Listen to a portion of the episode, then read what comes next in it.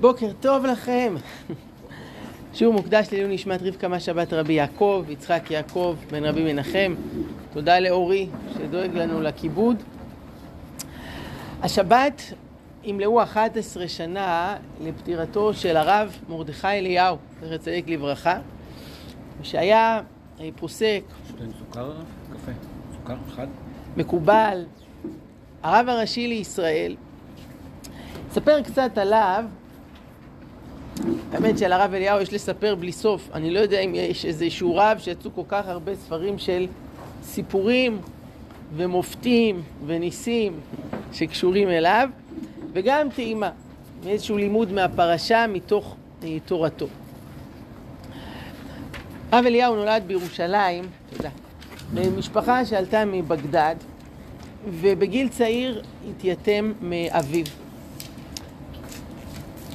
גדל בעוני גדול, אבל במסירות עצומה לתורה. סיפר החברותא שלו בישיבת תורת יוסף, שהם היו לומדים כל בוקר מוותיקין עד חצות לילה, והם חלקו שניהם פיתה אחת לבן אחד וביצה אחת לשניהם. זה היה האוכל של שני אנשים ליום שלם, ממש. פת במלח ומים במשורה תשתה, אבל במסירות נפש גדולה לתורה. הרב אליהו היה בן 31 כשהתמנה לדיין הצעיר ביותר אה, בארץ. בהמשך, הרב הראשי לישראל, והיה נוסע הרבה לקהילות בארץ ובעולם, אה, לחזק, לברך. הוא ביקר עשר פעמים את יונתן פולארד, שהיה אז בכלא בארצות הברית, עוד לפני שמדינת ישראל עשתה את מה שצריך ושלחה את השגריר, הוא כבר היה אצלו. ויונתן פולארד, הרב אליהו היה הרב שלו, שנתן לו את הכוח להחזיק שמה 30 שנה בתוך הכלא. הרב אליהו לא זכה לראות אותו, משתחרר וחוזר, אבל כל השנים הוא שוב ושוב ביקר אצלו. אגיד משהו על דרך הפסיקה שלו, לעומת הרב עובדיה יוסף, שנותן משקל רב מאוד לדברי מרן, שולחן ערוך. הרב אליהו הוא היה שער בשרו של הבן איש חי, בן יוסף חיים מבגדד, ויש מקום גדול יותר בפסיקתו לדברים שבאים מתורת הקבלה. יש תהיה להחמרה יותר, לעומת פסיקות של הרב עובדיה בכל מיני דברים. אולי מהדברים המפורסמים, הוא תמך בהיתר המכירה, שנה הבאה, שנת שמיטה, יש לזה נפקא מינה מאוד גדולה.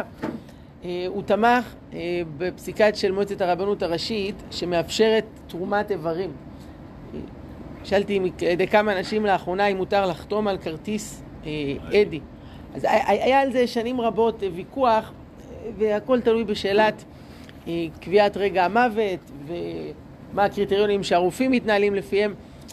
למעשה, מותר לחתום, מצווה לחתום. החוק, אחרי שנים של מאבקים, התיישר בזה לקריטריונים ההלכתיים, ומועצת הרבנות הראשית, הרב אליהו תמך בזה, פסקה שמה שקובע זה המוות המוחי ולא הפסקה של פעילות הלב, הדבר שמאפשר את תרומת האיברים. בעניין אחר לגמרי, רב אליהו חיזק מאוד את מתיישבי גוש קטיף במאבק שלהם לפני 16 שנה. הוא נתן את הברכה המפורסמת והטעונה של היו לא תהיה. אומרים שמי שלקח אותה הכי ברצינות זה היה מנהלת ההתנתקות, אלה שהיו אמורים לדאוג לפתרון לכל מתיישב. הם כנראה בנו שזה לא יהיה, כי הם לא דאגו. לצערנו לא זכינו שהברכה הזאת התקיימה. בהלווייתו של הרב אליהו השתתפו מאה אלף איש. נקבר בירושלים, ליד החידה שהוא זכה בשליחותו של הרב משה ניסים, הרב הראשי בזמנו, להעלות את עצמותיו מאיטליה. אז הוא זכה להיקבר בסמיכות אליו. וסיפורים הרבה, יש עליו מכל מיני סוגים. אין דברים שקשורים למידות שלו ולרגישות שלו. אולי אפילו סיפרנו פה פעם, בתחילת דרכו הוא היה מחנך של תלמידים. אחד הדברים שהוא הקפיד עליהם, שכשהוא שאל שאלת הכיתה, ותלמיד ענה תשובה לא נכונה, קורה. אז מורים רבים מעבירים את השאלה הלאה, טוב, מי יודע לענות? הוא אף פעם לא עשה את זה. כל פעם שתלמיד לא ענה נכון, הוא היה עונה בעצמו על השאלה ומציג לתלמידים האחרים שאלה אחרת. למה? שלא יהיה מצב שהוא לא ידע, ואז מישהו אחר ענה, ואז הוא יעשה לו איזה פרצוף, איזה קריצה, זלזול, התכבדות בקלון חברו. לא, הוא היה מציג שאלה אחרת. היה לי פעם סוג של אה, ויכוח עם הרב שמואל אליהו, יש לי את הבנו, של הרב מרדכי אליהו, לגבי כל הסיפורים על, על הרב, על, על אבא שלו. אמ, אמרתי, יש שני סוגים של סיפורים. סוג אחד שאולי הם יפים, אבל נראה לי שכמעט אין בהם ערך, וסוג שני שהם חשובים מאוד. סוג ראשון של סיפורים שמעידים על הרב אליהו, היה מוצאי שבת, ברכת הלבנה, הוא יוצא החוצה והשמיים מעוננים. טוב, מה עושים? הרי אי אפשר להגיד ברכת הלבנה כשיש עננים. אז הרב הרים את ידו, עשה שט.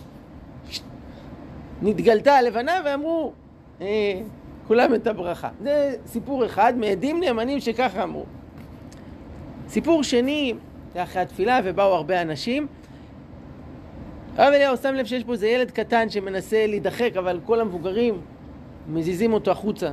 אתם מכירים את התופעה?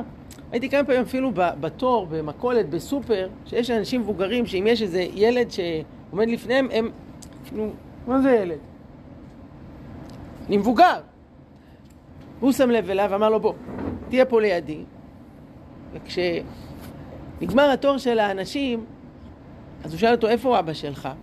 הוא אמר, אבא שלי נפטר, אני פה לבד. הרב אליהו אמר לו, אה, גם אבא שלי נפטר, גם אני לבד, אבל בוא הנה, אתה איתי, מה אתה רוצה לשאול? הוא ענה לו. הוא אמר לו, תקשיב, אני אתן לך פה את המספר שלי הפרטי בבית. כל פעם שיש לך שאלה, תתקשר אליי ואני אענה לך. ותראה, גם אני הייתי בגיל שלך כשאבא שלי נפטר, וזה היה עצוב מאוד.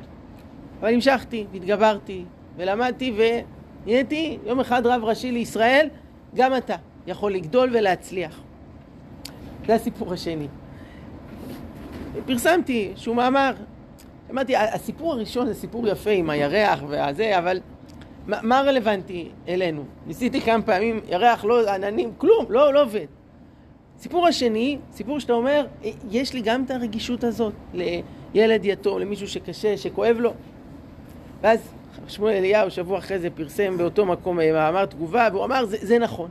אבל חשוב לדעת שכשבן אדם שוקד על התורה, שהוא צדיק, יש לו מסירות נפש למען עם ישראל, אז לפעמים מגיעים גם למדרגות כאלה שיש מופתי ממש. בסדר. אז אה, סיפורים כאלה יש אה, אה, הרבה מאוד. אה, אולי נוסיף עוד סיפור אחד לא שגרתי, ששמעתי מהרב שמואל עצמו, לגבי הבן שלו, הנכד של הרב אליהו, שבא אה, עם ארוסתו אל הסבא, ואמר, שעה טובה התארסנו, הסבא בירך אותם, שתזכו להקים בית נאמן בישראל, ואז הנכד אמר, סבא, אם אנחנו פה, אולי תבדוק את השמות שלנו, האם על פי הקבלה זה מתאים. סבא אמר, עזוב, בשביל מה? אמר, לא, סבא, תבדוק, אנחנו רוצים לדעת שהכל בסדר. אמר, לא, בשביל מה לך? אני, בבקשה. טוב, הסכים. לקח דף וסקר חשבונות, אמר, לא מתאים. לא מתאים! אבל מה נעשה, אנחנו התארסנו ו... טוב, לא מתאים. בסדר, תתחתנו. אבל אם זה לא מתאים, איך אפשר? הוא אמר לו, בוא תראה. אברהם ושרה, אתה מכיר? בוא תראה, עשי חשבונות ככה, גם לא מתאים. אבל התחתנו, בסוף יצא עם ישראל מהדבר הזה. אתם תעשו מה שצריך, תחיו נכון, תלכו בדרך התורה ותצליח דרככם. אה, זה סיפור ששמעתי משמואל אליהו על הבן שלו, שהיה אצל הסבא, אה, אז גם זה צריך לדעת. אה, מה המקום של עניינים מיסטיים לעומת הבחירה שלנו, האחריות, המעשים שלנו. אולי הסיפור האחרון ואז נציץ בדף שלפנינו ככה טעימה קטנה. העולם שהכל נהיה בדברו.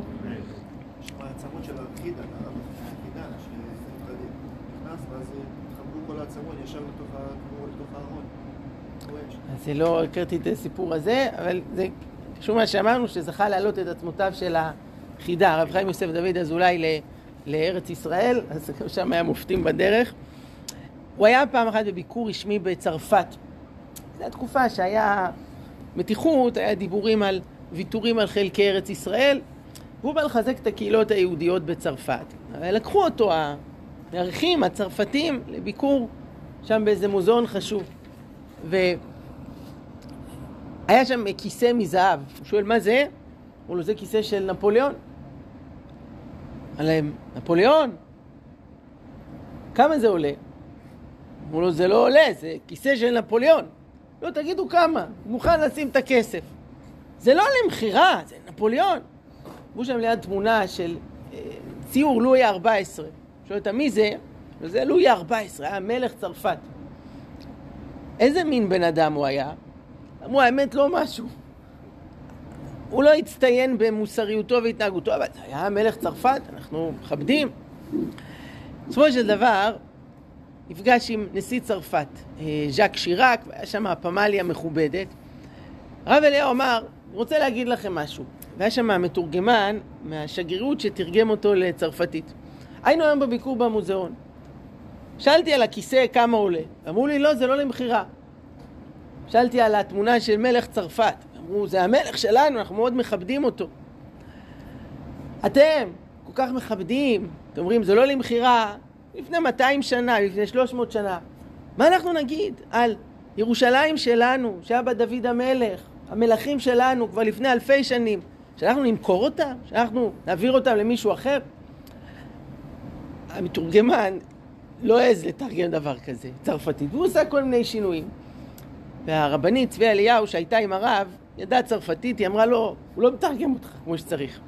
הרב אליהו אמר, עצור, כנראה שהוא לא יודע איך מתרגמים רבנים, אני מבקש שהרב הראשי של צרפת, שגם היה בערו, שהוא יתרגם אותי.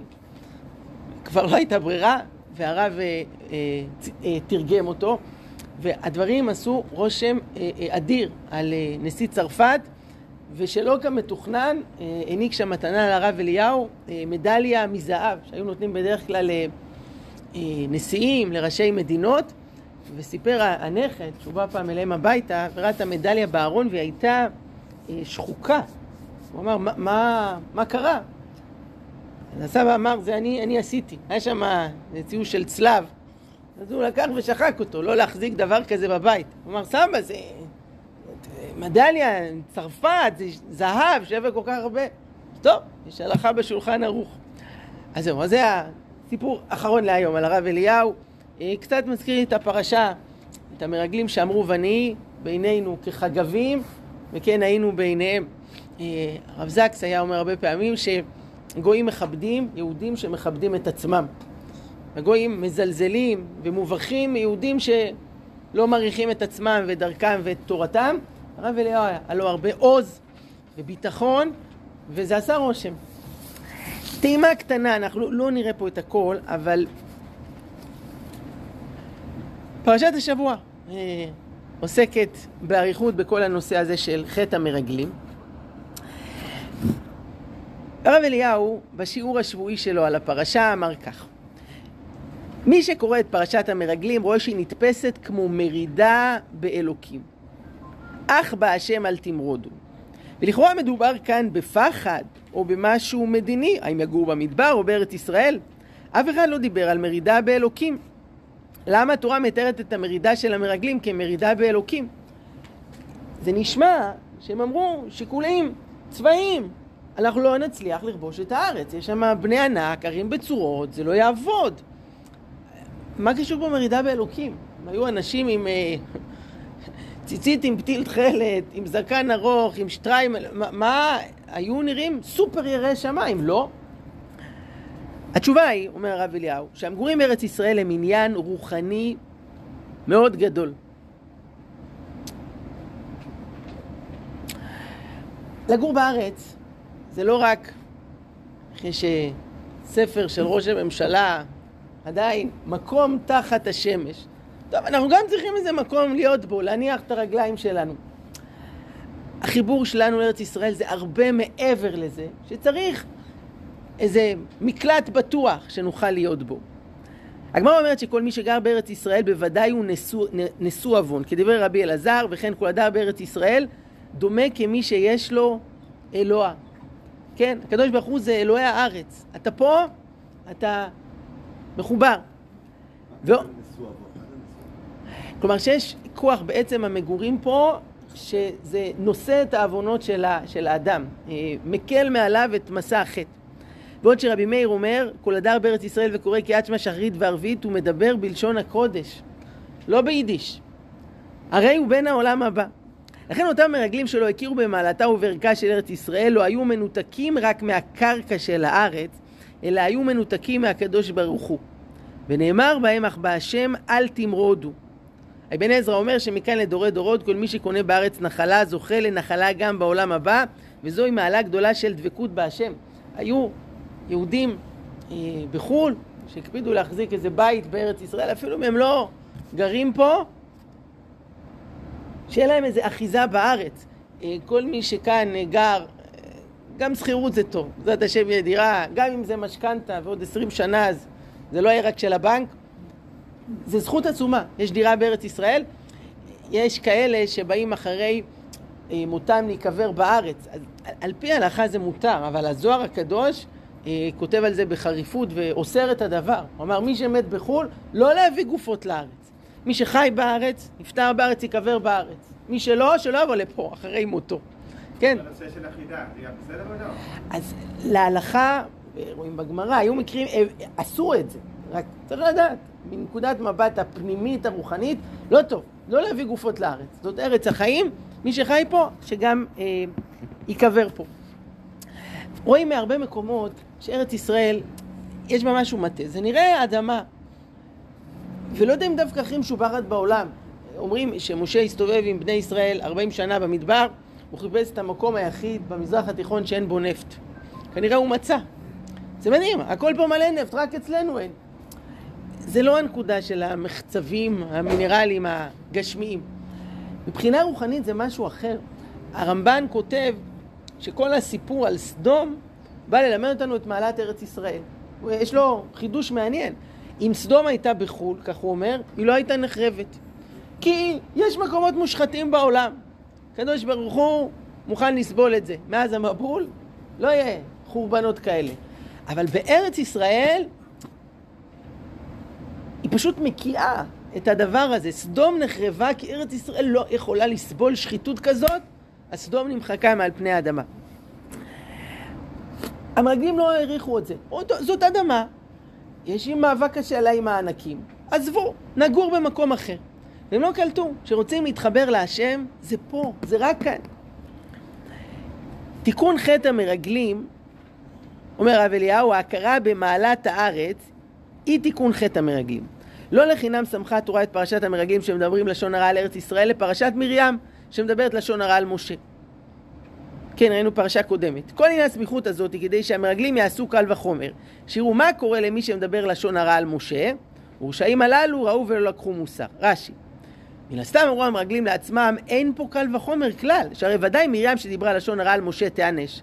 אבל אנחנו צדיקים, הרי אנחנו לא מדברים לשון הרע על בני אדם, אלא רק על עצים ואבנים. סתם עצים ואבנים, נדל"ן. על הדיבורים הללו נקראו המרגלים רשעים, כי לא הכירו את ברכתה ואת מעלתה של הארץ הזאת, שהיא נסתרת כמו כל דבר שיש בו ברכה גדולה. כי שם ציווה השם את הברכה חיים עד העולם. משה רבנו לגודל מעלתו והשגתו היה משתוקק כל כך לעלות ולהיות בארץ ישראל והתפלל על כך תקט"ו תפילות. כמה משה התפלל, התחנן, רצה, הורשה לו רק לראות מרחוק. אנחנו פה. באמת, קדושת ארץ ישראל היא מעין קדושת גן עדן. כמו שכתוב ביחזקאל, הארץ על הזו הנשמה הייתה כגן עדן. כשמכירים בכך זוכים לזה אפילו מי שעבר עליו מה וחטא. ובא לציון גואל לשבי פשע ביעקב, כי אף כך אף אומר המלאך המגיד לרבי יוסף קארו בפרשתנו. לרבי יוסף קארו יש ספר שהוא שמו מגיד מישרים, שזה דברים שגילה לו איזשהו מגיד, מלאך שהיה חושף לפניו כל מיני סודות ונכתבו בספר.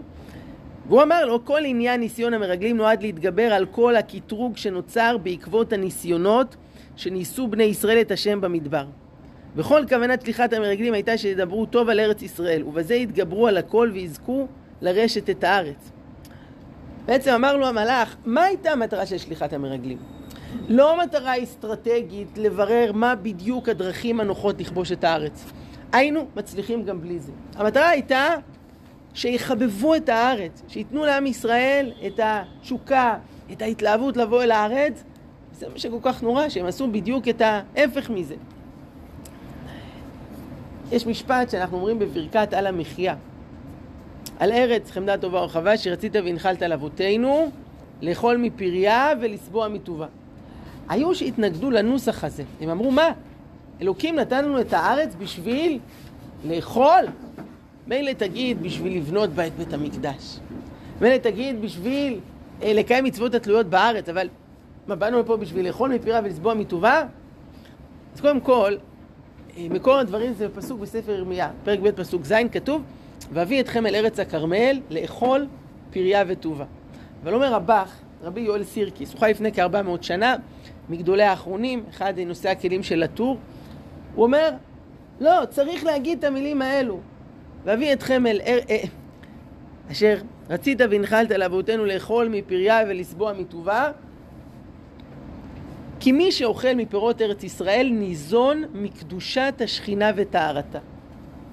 זה משפט, זה, זה פצצה. הוא אומר, אתה אוכל אבטיח, מלפפון, קלמנטינה של ארץ ישראל, אתה ניזון מקדושת השכינה וטהרתה. השכינה שורה פה, והיא מתפלשת, היא מופיעה אפילו בתוך הפירות. לאכול עגבנייה של ארץ ישראל זה לא כמו לאכול עגבנייה אה, באמריקה או באירופה. אה, סיפר הרב אייל ורד שהיה לו מפגש עם כמה שייחים מוסלמים והם אמרו לו על ברכת המזון, מי חיבר את ברכת המזון? הם אמרו הרצל. כי מה כתוב בברכת המזון? שנודה לך על אה, ארץ חמדה טובה, מה, מה, מה, מה, מה הקשר? הרי הברכה הזאת, אה, בן אדם אוכל בלונדון, יהודי, הוא אומר תודה רבה על, ה, על הארץ, זה, זה כל כך מוזר, אתה לא אכלת עכשיו שום דבר של ארץ ישראל. זה חיבר הרצל, בשביל להגיד את זה, לחבר את ה... טוב, זה היה התיאוריה שלהם. אמ, הוא אמר עוד אה, הסבר יפה בשם אחמד טיבי, נגיד דבר בשם אמרו, להביא גאולה לעולם, דגל ישראל, איך הוא בנוי? שם שני פסים כחולים ומגן דוד באמצע. אז הוא אמר שזה ביטוי לשאיפות הקולוניאליסטיות של הציונים. שני הפסים, כן, אנחנו ידענו עד היום שזה הפסים של הטלית. אה, לא, זה, זה הפרט והנילוס והמגן דוד עם כל הצ'ופצ'יקים שלו, זה הביטוי לשאיפות של הציונים להשתלט על כל השטח של האומה הערבית. טוב, איך אומרים, כן יהי רצון ונאמר אמן. גבולות הארץ הרחבה, אז זה בשם אה, אחמד טיבי, שתדעו. חזרה לענייננו, הרב אליהו, ארץ ישראל, חוסר ההבנה במעלה של ארץ ישראל זה מרידה בהשם. ההסתגלות כאילו זה עוד איזה חתיכת נדל"ן, אז מפספסים פה את הנקודה. ואשרינו שאנחנו זוכים לגור בפתח תקווה עיר הקודש, פה באדמת ארץ ישראל, לאכול מפריה ולשבוע מטובה. שבוקר טוב, שבת שלום ומבורך, אה, הרב אליהו, השבת כאמור 11 שנה לפטירתו, זכותו תגן עלינו ועל כל ישראל, חזק וברוך. אה, אני לא אכלתי. מישהו אכל לסמן שלוש, מישהו אכל...